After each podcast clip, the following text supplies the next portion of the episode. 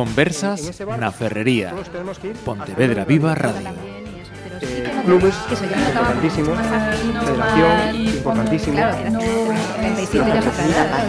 Y la paciencia, la paciencia, acercan a ese niño al deporte. Saúdos, benvidos todos a estas eh, conversas na ferrería eh, nas que hoxe eh, imos eh, falar en galego como noutras eh, ocasións Pero eh, é que o tema eh, é precisamente este, falando do galego. E temos eh, con nos, eh, con permiso dos, dos homes, vou comezar por eh, Victoria Augando, benvida a estes micrófonos Hola, de, de Pontevedra Viva Radio.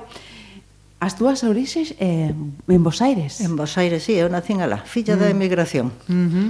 eh, profesora, escritora galega, eh, estudou eh, Filoloxía Galega na Universidade de, Santa, de Santiago na primeira promoción.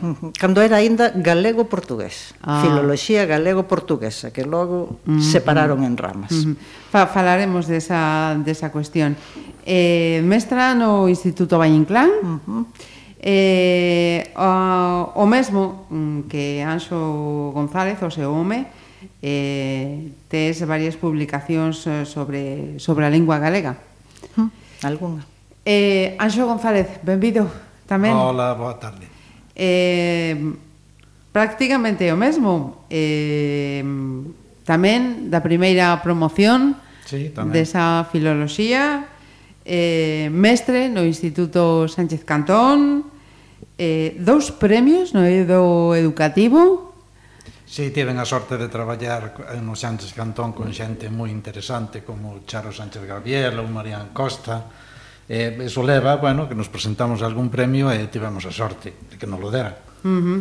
eh, xunto con, con Victoria, eh, creadores da web eh, ogalego.eu. Sí, sí, correcto. E eh, o terceiro dos eh, convidados ou invitados. Logo seré da, da dúbida. Francisco Freire. Hola, boa tarde. Ben, benvido a este estudio porque no outro uh -huh. xa xa estivera noutra ocasión a máis eh, colaborador de Pontevedra Viva en algúns artigos de, de opinión tamén filólogo pola Universidade de Santiago de Compostela eh, profesor actualmente da Secretaría Xeral de Política Lingüística, Lingüística. Uh -huh. eh, como o resto de convidados, eh, tes varias eh, publicacións, e a máis vicepresidente da FAMPA. Non, agora non. Agora xa non. Agora son vogal. Ah, vogal. vale, ves, eh, pois... Sí, sí. Pois. Foi, foi nunha etapa, na etapa do anterior, da Ajá. anterior xunta directiva, uh -huh. eh, cando houve o cambio da xunta directiva, pois quixen baixar... As responsabilidades, ah, non? Eran moitas xuntas. Perfecto. Eh, a primeira eh, cuestión, mm, para calquera dos tres que quera comezar, Eh, que, que vos eh, moveu a cada un eh, estuda est, filoloxía eh, galega, galego-portuguesa. Calquera dos casos. Comece Bueno, pois pues volvo, comezar eu. Eh, eh, filoloxía eh, para min eu creo que de toda a vida. Uh -huh. o sea, sempre quixen ser profesora, desde pequeniña. E logo, bueno, pois pues a, a vida foi dirixindo, a miña primeira idea cando era pequena era profesora de inglés. Eh, logo xa derivei a profesora de lingua E ao chegar a terceiro de carreira foi eso, o momento xusto posterior á morte de Franco, a creación desta subsección que era daquela de filoloxía galego-portuguesa e, e, bueno, estábamos metidos no mundo do galego, estábame, había pouco que me galeguizara realmente e aí me metín de cabeza, sabendo uh -huh. que había un bon futuro, uh -huh. non se sabía canto, pero un Pero bon futuro. había. Había. Eh, Anxo... Eu estudei no Seminario de Lugo, onde xa teño contado que nos prohibían falar en galego. Ajá. Pero logo pasei ao instituto e tiven a sorte de ter entre outros profesores a Alonso Montero, que foi presidente da Academia, que valoraba, aínda que ele era profesor de español, que entón non había clases de galego, pero que valoraba o coñecemento do galego e que nos metía a ilusión pola literatura E se cadra, pois iso e outras cousas foi a razón de que ao chegar a Santiago eu non sabía que había galego porque eu estaba en Lugo e cheguei, vin aquilo e dixe, ah, este é o meu, ya me. Uh -huh. Eh, Francisco, pois pues a min pillou tamén tan claro.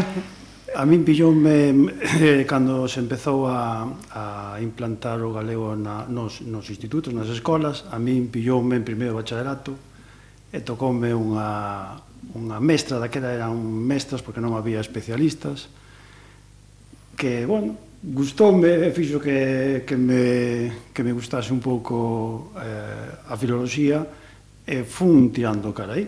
Uh -huh. E despois xuntouse tamén que daquela pois tiña un futuro tamén prometedor o galego era algo novo que co uh -huh. tempo ia ter ia ter moita moita saída, moita demanda eh, uh -huh. tirei por aí. Eh, falais de, dun futuro prometedor, eh, falabais tamén dunha lingua eh, mal vista, eh, proibida, eh, por que non atopamos un uso eh, generalizado do, do, do galego? Se considera aínda eh, vencellado pois a, a mm, ao rural, a, a unha ideoloxía política, eh, hai descoñecementa, descoñecemento perdón, da propia eh, lingua, hai unha falta de identidade galega eh, traducida ao idioma que, que, o, que, o que ocurre ou como o veis? Adiante. ben, hai moitos moitos aspectos da nosa historia que aínda sopesan, aínda o levamos aí nas costas superouse superouse moitos soltouse moitos lastres pero eh, leva o seu tempo leva o seu tempo eh, bueno, imos, imos avanzando pouquiño a pouco moi lentamente moi lentamente eh, e custa moito a verdade é que custa moito é un proceso lento é un proceso lento. Eu que traballo na normalización, vemos lo que é moi lento, moi lento, moi lento. Uh -huh. Os avances son moi lentos. E a veces hasta temos a sensación de que imos, imos cara atrás, non? Pero, pero bueno, eh, temos que ser positivos e, e fixarnos no, no positivo, non, non, non solamente no negativo. Temos unha tendencia a, a mirar solamente, a ver aspectos negativos, non? Eh, bueno, hai, hai datos que bueno, eh, apuntan un, un pouco a, a que se vai avanzando, pero moi lentamente. Uh -huh. Sí, falas do de hai que ser positivos e era xusto que estaba pensando cando ti falabas, o sea, temos que ser positivos e querer ver o positivo, porque a realidade eu non sei se non será que damos pasos atrás, non? Uh -huh. Eu creo que ese avance tan lento, máis ben é dous pasos para diante e medio para atrás, ou un e medio para atrás, uh -huh. non? Entón, eh, que non se dá avanzado, eu creo que as autoridades tampouco fan nada porque se avance, senón todo o contrario, as autoridades son, eu creo que están dentro dese uh -huh. mm, falta de identidade, non, non teñen identidade e entón non, non, non interesa non? eu creo que interesa moi pouco mm, darlle pulo ao galego Ajá. porque a, a nivel, por exemplo, de alumnado eu creo que estamos casi como hai 30 ou 35 anos non a consideración do alumnado, polo menos aquí en Pontevedra non? conseguir que o alumnado fale galego con normalidade é un traballo duro uh -huh. é moi complicado eh, si, sí, no, eu estou lembrando o que acaba de decir Vitoria de que estamos igual que hai moitos anos. Nós levamos moitos anos de profesores e, e certamente no Sánchez Cantón eu cando cheguei casi ninguén falaba en galego. Hoxe casi ninguén fala en galego. Agora tamén hai a parte positiva que decía Francisco, di un profesor eh, académico Xesús Ferro Rival que o galego é un pouco como acocido. É dicir que de nenos non nos gusta, pero de maiores sí que nos gusta e pasamos uh -huh. a el. Segue habendo aínda moito diso. Eu teño tido moitos alumnos que no instituto non falaban unha soa palabra en galego e algúns deles hoxe son coñecidos, uh -huh. galeguistas, eh, impulsores do galego. E ademais é que fiamos moito ao ensino e non fiamos a promocionar o galego noutros campos. Eh, se cadra ese é un dos problemas que temos. O ensino uh -huh. é un campo máis de claro, de todo. aí é, é, é outra, outra das cuestións. Eh, non só responsabilidade do, dos mestres, que ocorre nas familias, non? No ámbito familiar. Eu, eh, enlazándose un pouco que di sí. Anxo, eh, sí que mm, eh, tocoume unha etapa, cando estaba estudando, tocoume unha etapa en que o profesorado eh, em, empezou moi... Mm, eu penso que no punto que tes que ensinar unha lingua, Pero despois, eh, o atopei profesores demasiado duros coa lingua, en, eh, centrándose moito na, na gramática, machacando moitísimo ao alumnado, que fixo eh, o que creou foi unha, un rexeite no, no alumnado. Uh -huh. Moitos fuxiron, fuxiron, crearon un malestar, non? Penso que hoxe iso xa se tranquilizou un pouco, xa se tranquilizou un pouco. Eh, non sei, eh, os rapaces, está, está estudado, está demostrado que os rapaces, si en primaria eh, falan galego, leen en galego moito, eh, a medida que medran, pasan ao instituto, aí hai unha, un, vamos, unha decadencia tremenda, uh -huh. Mm, o galego pasa a non empregarse absolutamente, emprega non ao mellor co profesorado na clase na clase de galego, na clase que teñen o libro en, en galego, uh -huh. pero mm, despois, fora, fora do, do instituto ou fora da familia, ou mellor se, se foron educados nunha lingua materna en galego, eh, pero cos compañeiros fora do instituto e fora da familia, cos compañeiros non empregan galego ni, ni, ni, uh -huh. vamos, ni mortos. Eh, pero hai un dato que é alentador, que eses rapaces que tiveron en primaria ese contacto, esa cercanía co galego, que despois, cando medraron en secundaria e bacharelato, deixan de empregalo, cando pasan á universidade, está nas estatísticas que sobre os 20 anos, a partir dos 20 anos, volven a empregar o galego. Uh -huh. É dicir, que é un proceso, hai que analizar de, toda, de a vida, toda a vida, uh -huh. da das, das persoas. Uh -huh. Non? E xa non digamos xa na idade na idade adulta, na, na, xa a partir dos 50 anos, aí falase xa uh -huh. moitísimo máis. Eh, é un proceso que, claro, non é lineal. Temos un proceso evolutivo aí que falla, uh -huh. que, que hai que incidir, que ao mellor hai que traballar, algo algo algo está fallando aí no, no sistema, porque non eu entendo que non é normal. Non é uh -huh. normal que ti na túa etapa da, da túa vida pois deixes prácticamente de empregar unha lingua que estabas empregando ou que despois de non empregala pasas a empregala pois uh -huh. como nunca empregaches. Uh -huh. Sí, ah, eso, é é, eh, eh, mm, produto de que non sexa unha lingua normalizada, entón hai unhas razóns que te levan a falala, outras que mellor te levan a deixala, pero nunca será, ou nunca será, non é, non podemos decir que sexa aínda unha lingua normalizada. E aí, claro, nós falamos moito do ensino, porque os tres somos do ensino, pero eso, pero a culpa non é do ensino, nin é o ensino realmente quen pode poñerlle solución a iso, non? O sea, eso é a propia sociedade. E, e agora, con, coas novas novas tecnoloxías e demais, moito máis aínda, onde vemos que a presenza do galego é escasa. Mm. Sí, sí, sí, sí. Ah, pode ser abunda, hai moita, pero por exemplo, eh, pois nestes días, non, que estamos de compras todos e andamos ás veces mirando cousas para comprar en internet, eh, posibilidade de lingua inglés, lingua castelán, lingua catalán, ás veces incluso euskera, galego. Uh -huh. Non aparece. Entón non se lle ve utilidade, e iso é o que leva, claro, xa, a sociedade non demanda realmente o uso do galego. Non son máis negativa, hai que ver o positivo, efectivamente. E logo tamén, decidindo sobre eso, hai unha cousa que eu non sei que como será no futuro.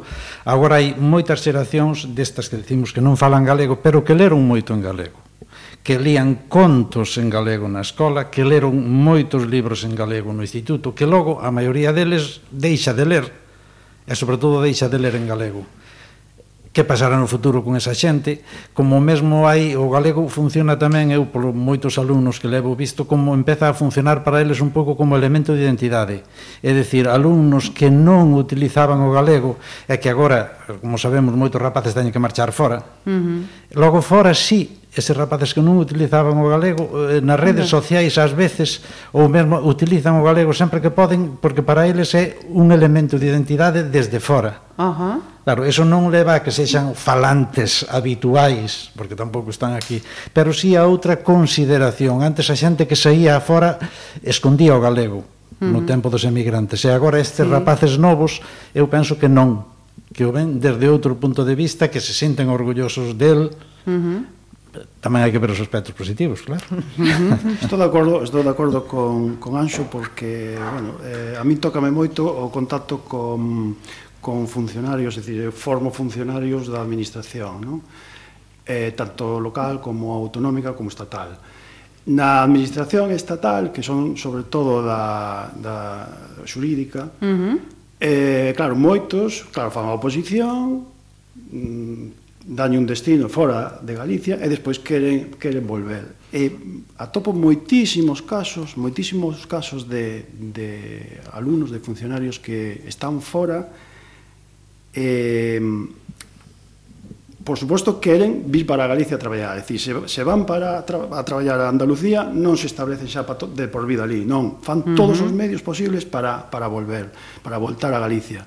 Pero é que, ademais, é moi frecuente neles eh, queixarse, queixarse, decir, bueno, lamentarse de, de que, que se están dando conta do que mm, do bo que teñen en Galicia eh, valoran máis unha vez que saíron fora o que tiñan, eh, non solamente a cultura, senón uh -huh. a lingua, e de feito, para non perdela ou incluso para practicar, eh, utilizan a cos compañeiros que están que están no piso no. e que teñan que teñan, claro, uh -huh. que sexan de Galicia, porque hai moito, hai moito funcionario, moito persoal que está fora de Galicia, uh -huh. porque o traballo evidentemente teñen que, que ir a buscar uh -huh. onde haxa. Sí, ¿no? lamentablemente é a situación eh, é así.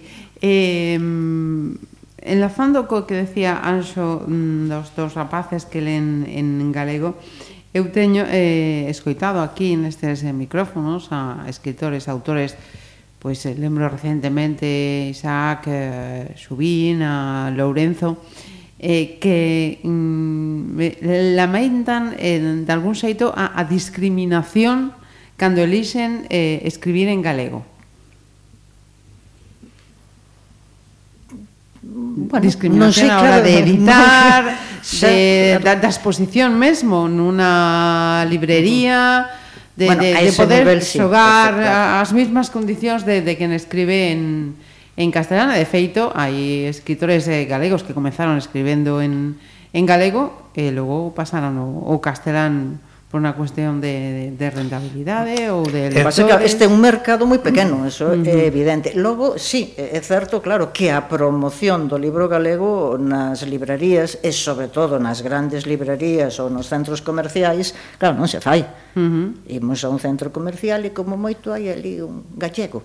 Uh -huh que moitas veces está así, nin sequera galego, galego. lingua galega, non? E os grandes bestsellers, que non quere decir que sexan uh -huh. mellores que o que se publicou en galego, pois hai estanterías cheas de libros en castelán. Uh -huh. Eso é certo. E logo, claro, que por outra parte, vivir da escritura en galego, da escrita en galego é difícil porque é un mercado pequeno.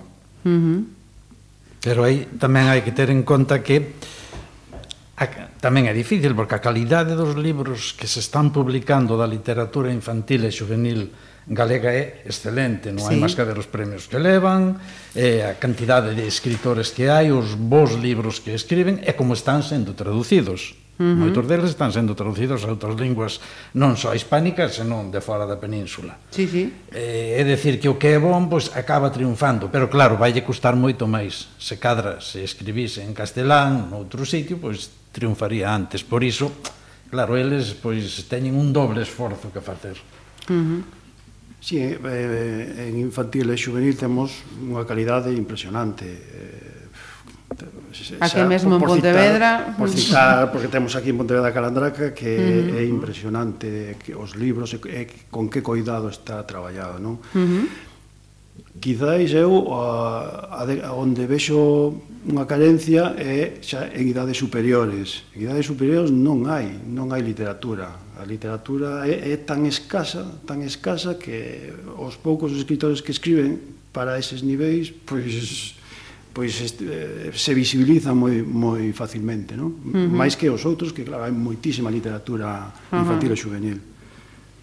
Eh, eh, falando xa da, da, da propia lingua, estamos eh, diante dun, dun galego vivo eh, no, no senso de que está a evolucionar co, co tempo?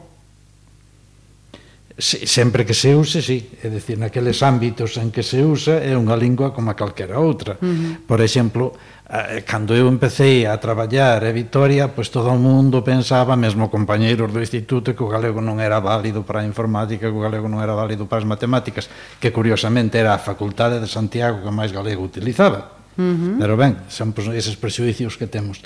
E hoxe estáse utilizando como ferramenta absolutamente en todos os campos, máis ou menos, pero está evolucionando, penso eu, como calquera outra lingua, o que pasa é que hai que lles dar o uso. Hai que lles dar o uso para que o galego poda adaptarse a eso. E hai moitas no mundo tecnolóxico, moita xente que utiliza o galego perfectamente, eh, páxinas web, etcétera, etcétera. Victoriano.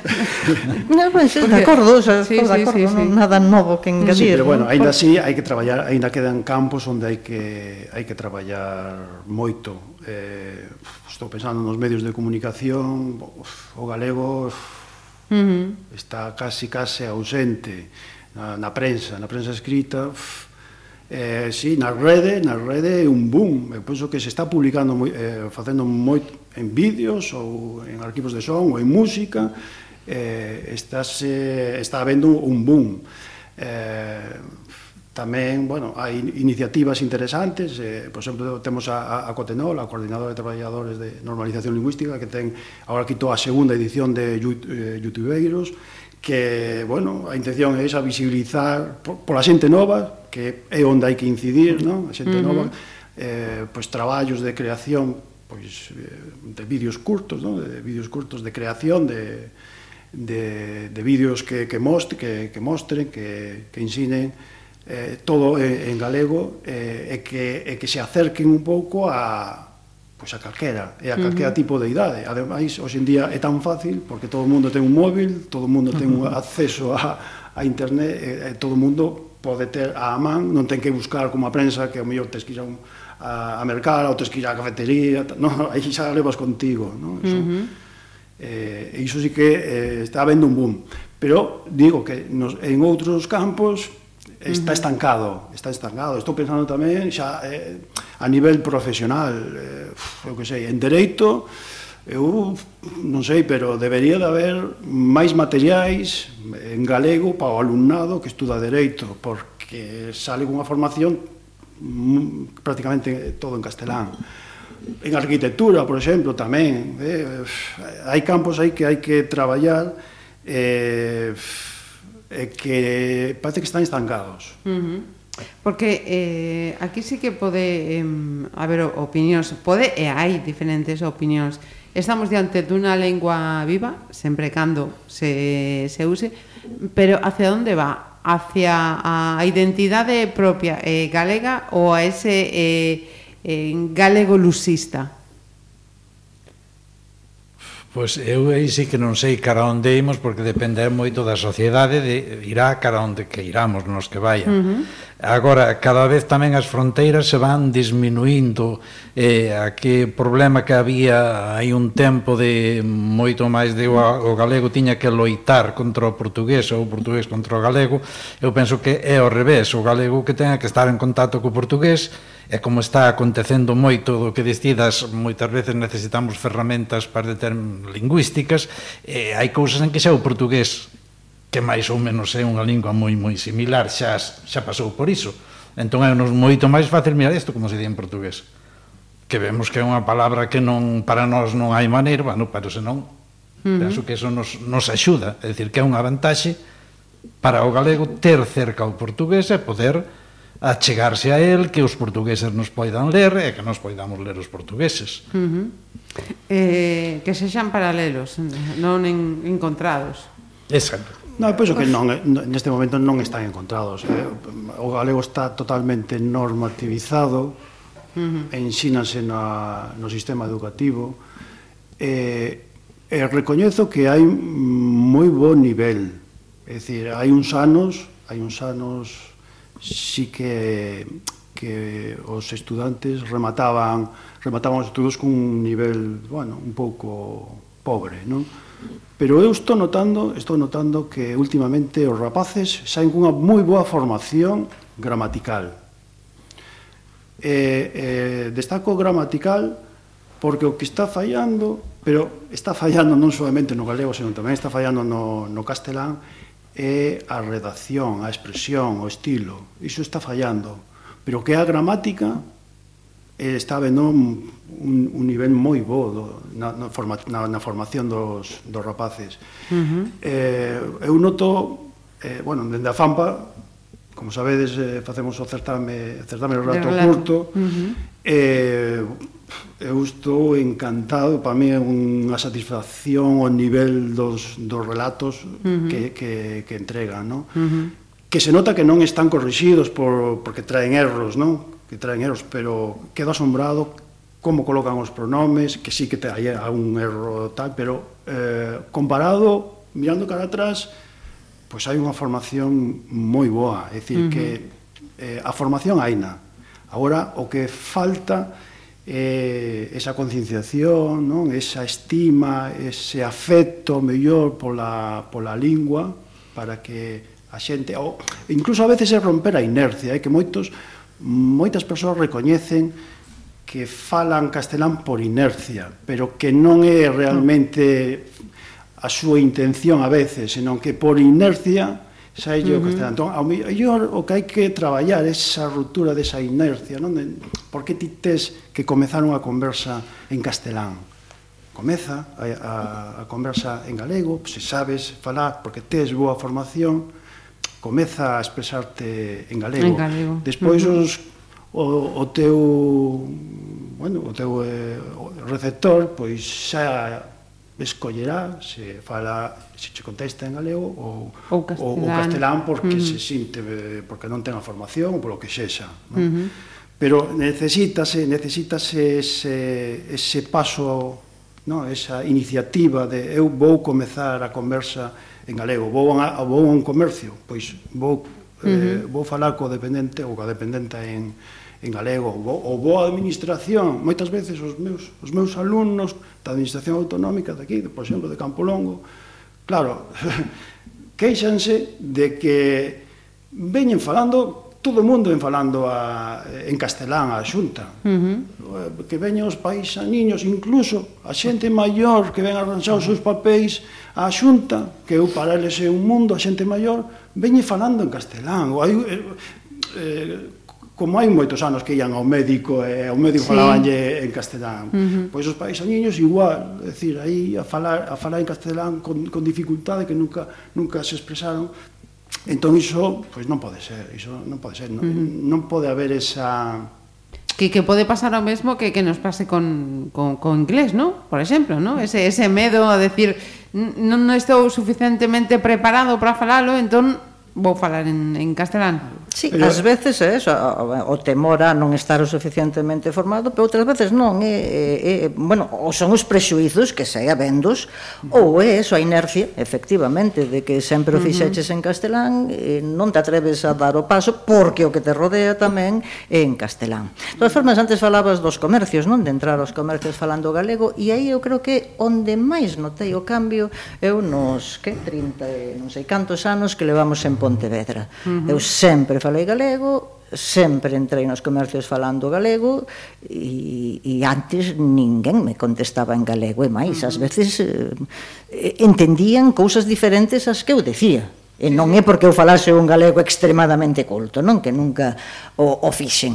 E, e en cambio agora non, o sea, agora chegas a un comercio falando en galego e con moitísima frecuencia eh, contestan en galego. Uh -huh. Ese sí que é un cambio grande que notei aquí. Uh -huh. Eu volvendo ao do portugués, sí. que creo que é moi interesante.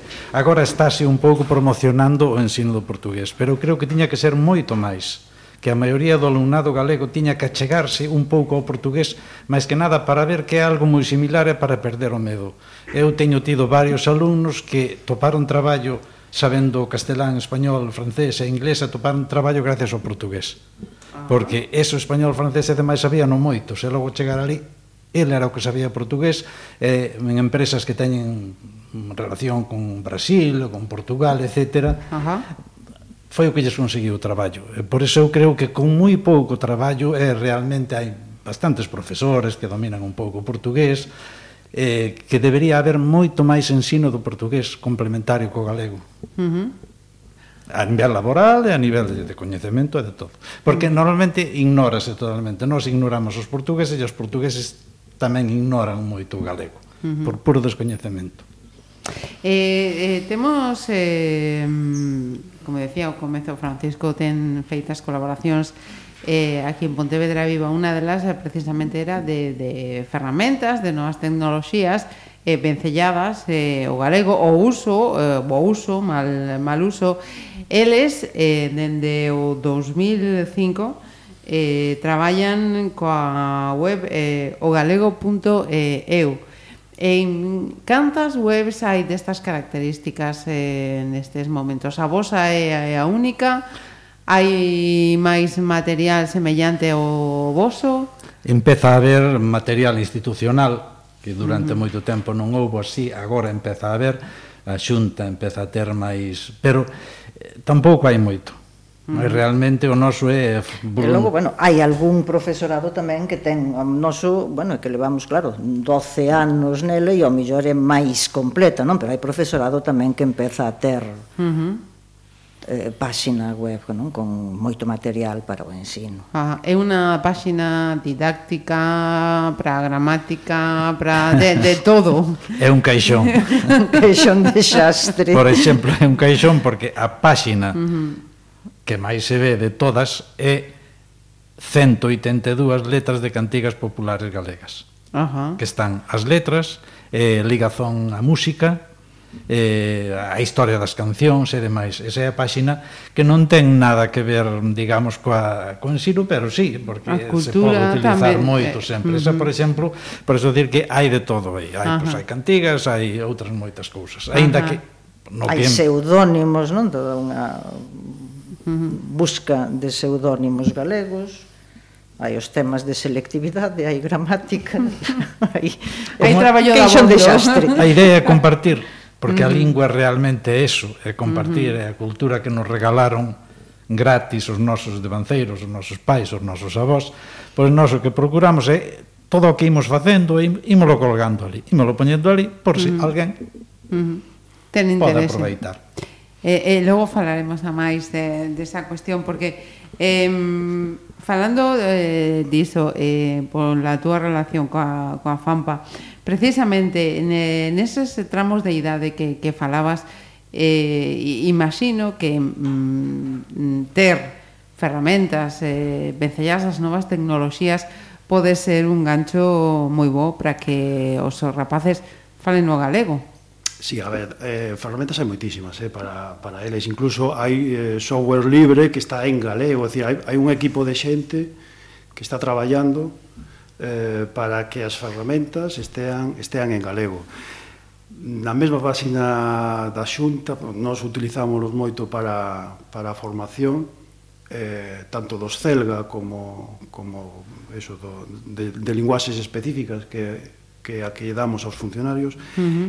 eh, na página da Xunta de Política Lingüística teñen moitísimos recursos dende dicionarios en liña, dende correctores, traductores, dende vocabularios de todo tipo, de todas as especialidades, porque hai eh, hai enlaces ás distintas universidades, eh, tanto a Universidade de Vigo como Coruña, Santiago, teñen nos seus servizos de lingüísticos, teñen un montón tamén de, de ferramentas ao mesmo tempo e de, e de vocabularios eh, específicos da, das súas facultades. Entón, hoxe en día hai moitísimo, eh, moitísimo, bueno, de todo, eh, tanto exercicios como ferramentas, como como sí, prácticas o, o, que sexa, o que sexa, ou programas, programas para descargar, eh, información, non sei se a manterán, antes na, na páxina política lingüística incluso había consellos de mm, aparellos que utilizan nos menús o galego. Non sei se, se o quitarían, ahora xa hai tempo que non entro nesa, nesa sección, non? Uh -huh. pero tanto, mm, tanto DVDs como eh, móviles, todo, todo, que eh, todos, todos esos aparellos eh, sí, electrónicos, electrónicos no. que tiña eh, o menú en, en galego. Uh -huh. E despois é moi importante ademais que é utilísimo ti no móvil, ti podes descargar unha app uh -huh. que accedes directamente ao dicionario da Real Academia Galega ou uh -huh. a un traductor, é dicir, que se tes unha dúbida tan sinxelo como coller o móvil, poñer a palabra e mirar se está ben ou se está mal escrita. E iso tardas Tardas segundos, cando antes tiñamos que ir a un mm. dicionario, buscar a palabra, ao mellor non tiñas o dicionario contigo, eh, eh, hoxe é moi, moi práctico. Eu recomendo que uh -huh. calquera persoa, calquera falante, de calquera lingua, porque ademais agora tamén os hai de calquera lingua, as apps están en todas as linguas, en castelán, está o dicionario da Real Academia Española tamén, uh -huh. porque é importante tamén separar eh, separar esas dúas, as dúas linguas, os que, os que, sobre todo os que son bilingües, os que falan as dúas linguas, é importante que as teñan ben separadas e que non fagan interferencias. Entón, é, é moi útil ter os diccionarios que os levas no peto, lévalos aí uh -huh. no, no móvil. Uh -huh. Eu estaba a insistir nos, eh, nos rapaces, aos, aos nenos, porque supoño que serán eh, fundamentais para que o galego siga vivo e siga medrando, non? A ver, eu son positivo, eu son positivo, pero eh, o que te, hai que traballar moito nas escolas é eh, pois pois o que comentei antes, non? O afecto pola lingua, polo noso, non? Pola pola súa protección, polo, polo seu reforzo, polo, pola súa, polo seu prestixio. Non temos que prestixiar o, o galego e sentilo, e sentilo noso. Pero é que ademais hai un dato que para min é interesantísimo e que nunca se comenta é que unha lingua xenera riqueza no, no povo. Podo poñer como exemplo o castelán, porque do castelán teño datos, do galego nin sequera eu penso que non hai estudos que se, que se fixeran. A lingua española xenera, eh, reverte, o 16% do, do PIB. Iso uh -huh. quere dicir 164.000 millóns de euros e xenera 3,5 millóns de empleos, de empregos. Uh -huh. Iso o castelán. O galego, evidentemente, ten un PIB eh, menor. Pero o Produto Interior Bruto de Galicia é de 57.967 millóns. Se só fose o 1% o que reviste a lingua, o 1% o que reviste a lingua a, a, a, a, a, uh -huh. a Galicia, iso suponía simplemente o 1% que ten que ser máis, ten que ser máis, suponía 579 millóns que, que teríamos. Eh? E de postos de traballo xa non digo, porque non hai que esquecer que a cultura, é dicir, eh, a industria musical, a industria gráfica, os o cine, a, a, o cine eh, eh, os, os traductores, eh, uh -huh. os traductores, todo iso, a, a, a, bueno, a literatura, que iso xa máis ou menos está bastante avanzado, todo iso move, xera, xera uh -huh. moitísima riqueza. Sí, no, estou a pensar agora mesmo no Culturgal, que temos aquí en Pontevedra. Claro. É un exemplo clarísimo claro. do que move. Pero para que se mova iso, ten que haber unha demanda. E para que haxa demanda hai que empregar o galego. Se non se emprega, non hai demanda, non hai non hai non, non hai riqueza. Mm. E logo entón tamén ten que haber interese. Hai un feito moi que coñece moita xente dos que nos estarán escoitando que foi o xabarín. Ajá. O Sabarín Club na televisión, aquelo foi unha maravilla para o galego, para a lingua, e creaba o que di Francisco riqueza, porque había grupos, había xente que está... Pero eso acabouse non se sabe por qué, cando os rapaces gardaban aquel carné que aínda teñen moitos, uh -huh. ese, bueno, que era unha maravilla. Sí. Co mesmo que decía tamén Francisco agora cos móviles, é que agora é no momento, nós cambiamos a, un pouco o formato de todo o galego.eu para que se poida ver perfectamente no móvil. Uh -huh. Porque eu teño clara, Vitoria tamén, que a xente, os rapaces, o que vean, eh, un necesita unha canción galega, por exemplo, a páxina esa de tanto éxito pero necesita cando está con grupo e que van cantar é como era aquela de tal entón van e buscan allá, aparecelles ali e ten que aparecer non que teñan que baixar un PDF ou teñan que, non, non, que directamente pum, pa lles aparece ali Ajá. Lista. A lista. Por eso é tan importante para min o móvil. Ajá. Uh -huh. Eh, eh, podemos eh, falar de, de, de comparación, de introducción, de uso, de similitudes, eh, eh, da, da penetración mm, de, de outras linguas como catalán ou euska, eh, euskera eh, co, co galego. En que, en que nivel estaríamos? Non sei se si hai estatísticas ou mm, como de uso, se se usa sí, máis sí, o catalán sí, sí, sí, ou... Sí, sí, sí non sei, supoño que hai estatísticas deso, pero non manexo mm. neste eh, Curiosamente, momento. outro día estábamos eh, ao lado mesmo do País Vasco e abrín un xornal onde falaba un importante lingüista Ajá. vasco e dicía algo que a mí me sorprendeu que na xente nova estudan o euskera pero o falan castelán uh -huh. que a hora de buscar un traballo o prestixio segue sendo o do castelán uh -huh. que eu pensaba que xa non sería tanto Eh, aí o que sí parece é que a nivel de eh, institutos, de colexios, ou como sabemos ali hai diferentes podes estudar só en euskera con sí, clases en castelán, castola, a mitad e mitad mm. ou pero parece que o maioritario que os que estudan todo en euskera con clases de castelán. Mm. É dicir que a nivel de ensino parece que está ben. Mm Agora, a nivel de sociedade, non o sei. Eu chocoume uh -huh. o que é lo que lín naquele artigo. En Cataluña, polo que din, parece que está bastante implementado en todos os ámbitos, en sí. todos os ámbitos sociais. Uh -huh. eh, eh, en todo isto, eh, mirando a administración eh, pública, que parte de, de, de responsabilidade ten ou atribuís a administración a esta situación do, do galego? que se fale, por exemplo, Francisco Falamantes por dos medios de comunicación, ¿no? Uh -huh. eh, ou o cine ou o teatro, hai axudas si falas en galego. O sea, que falar sería unha cuestión de rentabilidade ou de que saia de, de, de, de, de xeito natural. Que responsabilidade ten aí a administración? Home, a administración, o seu papel é, é importante, pero eh, eu penso que nin debería de existir no tema, no tema da lingua. A política lingüística ten uns orzamentos, son moi poucos, baixou, dende hai anos estivo baixando. Eu lembro que eu xa estaba en política lingüística na época de, de Fraga, e lembro que, bueno, Fraga foi incrementando os orzamentos eh, a medida que, que avanzaba a súa legislatura lembro que empezou con 18 millóns de euros, uh -huh. agora neste momento está nos 7 nos 7 millóns, é dicir que está está un pouco está bastante comparado con con con esa época eh xa hai unha unha diferenza, sí, unha diferenza importante. Eu penso que, bueno, eh se a xente falase galego con naturalidade non faría falta política lingüística e aforraríanse eses 7 millóns, neste momento os 7 millóns de, uh -huh. de euros que ao mellor se poderían investir noutras cousas sociais, noutros aspectos máis importantes ao mellor uh -huh. da sociedade hoxe en día. Non? Ou mesmo na cultura galega. Claro.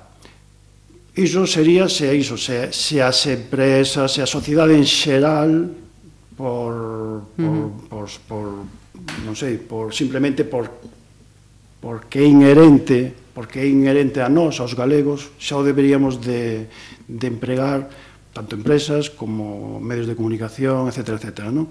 ou a nivel particular. Eh, pero, desgraciadamente, como non é así, pois necesitas o apoio da, da administración. É pouco, 7, 7 millóns, a verdade, é moi pouco comparado co que inviste noutros, uh -huh. noutros apartados, non? dos seus orzamentos. Eh, por iso necesitamos que, que, estea, que estea aí. Eh, a veces, eh, eses cartos, eu penso que, bueno, hasta, ata non se, non sei, se poderían o mellor, non sei, eh, empregar noutro tipo de promocións, non? outro tipo de, ah, non sei, facer cursos, uh -huh. pois eu penso que xa se leva moito tempo facendo cursos. Uh -huh. Eh, bueno, home, algo positivos terá, pero chega un momento que tes que hai que cambiar de estrategias, non? Uh -huh. Entón, Pois... Pero interesalle cambiar de estrategias, ti acabas de decir, non? O sea, claro. os orzamento, o orzamento de política lingüística baixou claro. exponencialmente, entón aí é onde primeiro se, se saca, non? Cando claro. tal. Eh, houbera, ou épocas en que, claro, había axudas non só para os cursos, os cursos son necesarios, o que diste ora, levan moitos anos, ao mellor non era tan necesario, pero había mm, axudas para escribir obras en galego, eh, para traducir obras estranxeiras ao galego, para traducir obras do galego a outras linguas. Todas esas, eu creo que desapareceron absolutamente todas. Uh -huh. O ideal sería, evidentemente, o que diste, que fósemos unha sociedade concienciada, pero nin así, o sea, eu creo que unha política lingüística o chama X debería, teria que existir. Tamén existe un Instituto Cervantes, e todo o mundo eh, fala castelán dentro do seu ámbito, non? non eh, pero a promoción da lingua nunca estaría mai, mal, non? E, e despois, bueno, eso, no, volvendo ao momento actual, é que ademais se emprega como se emprega o que dis ti, habería que facer outras cousas, pero centrándonos aínda que só sexa nas axudas aos medios de comunicación, Quen leva as axudas á promoción da lingua galega nos medios de comunicación? La Voz de Galicia, Faro de Vigo, que tens que ir con lupa buscando a ver se si algún día uh -huh. hai algún algunha noticia en, en galego, porque non baixou tamén moitísimo a utilización da, da lingua galega nos medios de comunicación. En cambio, periódicos ou xornais ou revistas que a mellor uh -huh. se editan eh, íntegras en galego, casi íntegras, pois non levan ningunha subvención. Uh -huh. Uh -huh. É que ás veces eu penso que se se quere se que se sepa de moitas veces. Hai un exemplo que todos coñecemos. Os anuncios de Gadis mm. triunfan Eh, eh, eh estive en algún momento desta, desta tertulia estaba pensando neses... E eh, por que non se fan máis cousas como esas? Se está demostrado Ajá. que venden. Uh -huh. Porque non hai interese social, ao mesmo tempo non hai interese tampouco da administración, E claro, unha cousa vai... A inercia que decíamos que leva a utilizar o castelán en todos os ámbitos, no da publicidade Pero demóstrase tamén. que cando se fan ben as cousas e bonitas e demais, a xente responde. Uh -huh, ten dúbida. E, eh, e mira, eh, tiñamos tamén eh, outra eh, cuestión, non sei se comprometida ou non, pero oh, os políticos galegos son eh, un exemplo do uso do, do galego os, os políticos eu penso que son a, mai, unha parte máis da sociedade. Hai algún político que destroza o galego cando fala, hai políticos que falan perfectamente, outros que se esforzan, Uh -huh. porque non hai que poñer nomes porque cada un é do seu partido, pero hai algún, eu teño visto algún que cando empeza a entrar na política, boi, que mal, pero vai collendo uh -huh. soltura, uh -huh. vai utilizando e logo pois fai no ben. Ajá. Penso que é difícil xeralizar, non? Ah, esa non é só a calidade da lingua, o sea, a mellor a, a moitos políticos o que é máis de criticar neles é o uso ritual do galego. Mm. Xa falan ao galego aquí neste momento nesta entrevista, pero logo sí, xa danse media oficial, volta, eh... exacto, danse mm. media volta e a súa lingua é o castelán. Mm -hmm. E iso a xente tamén o percibe, non? Tamén, Ajá. entón leva tamén a, a que non lle teñas consideración ao galego, non? O sea, é a lingua, bueno, pois para falar en público, pero non a lingua de relación. Mm -hmm. Eh, Francisco, eh, sí, que hai que ser coherente, o, hai que ser coherente, se estás representando, estás representando a un eh, goberno, pois tes que ser uh -huh. un pouco tamén co, coherente.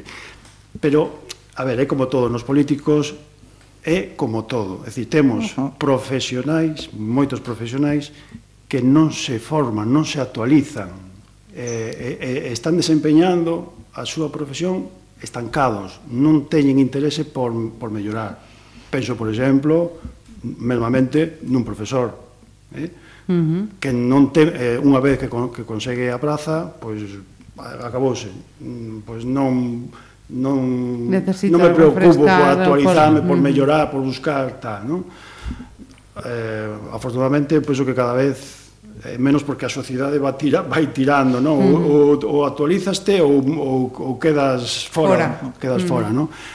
pero pasa en todas as profesións, uh -huh. en, to, en todas as profesións, os políticos igual, eh, unha vez que ti estás aí dando eh, eres a cara visual, no?